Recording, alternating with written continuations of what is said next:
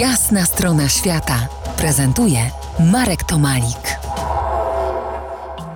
Dziś moje opowieści o nietypowych cmentarzach, które miałem przyjemność odwiedzić z przyjemnością, a to dlatego, że są inne, że dały mi mocne refleksje do przemyśleń nie tylko nad śmiercią.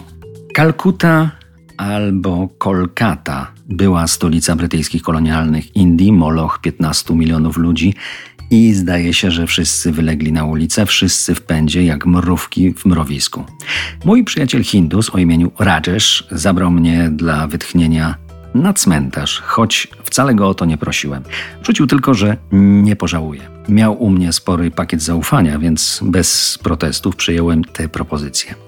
Wysiedliśmy przy ulicy South Park i pomaszerowaliśmy na cmentarz do kolejnej bajki miasta ze snu, wielkich budowli obrośniętych mchem, zwietrzałych, zbutwiałych i niezamieszkałych, przynajmniej przez żywych nie zamieszkały.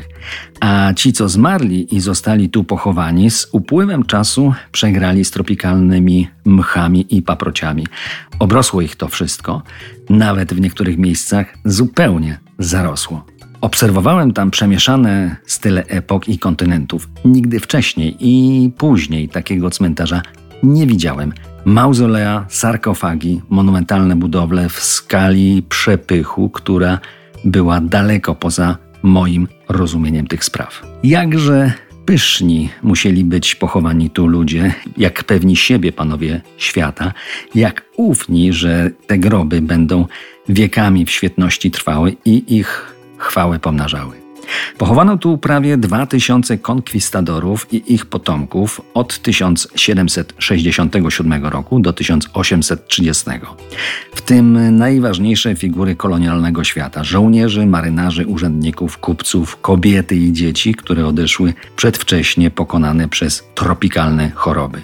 Wśród megagrobowców ten Sir Williama Jonesa, założyciela Towarzystwa Azjatyckiego, którego Płonący obelisk jest jednym z największych, najwyższych struktur na cmentarzu. Jones uczył się tutejszych języków i przekładał z sanskrytu. Wierzył, że umysł, aby się naprawdę rozwijać, musi pochłaniać wiedzę o innych cywilizacjach.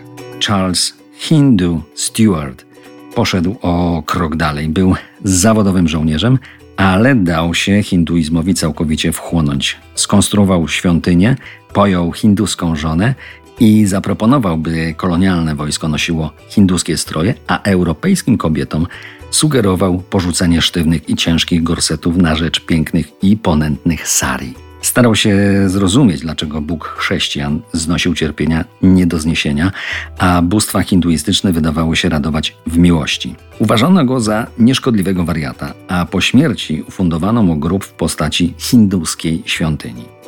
Dość tego wyniosłego cmentarza. Za kilkanaście minut zabiorę Was na cmentarz, którego nie ma, ale jest. To jest jasna strona świata w RMS Classic.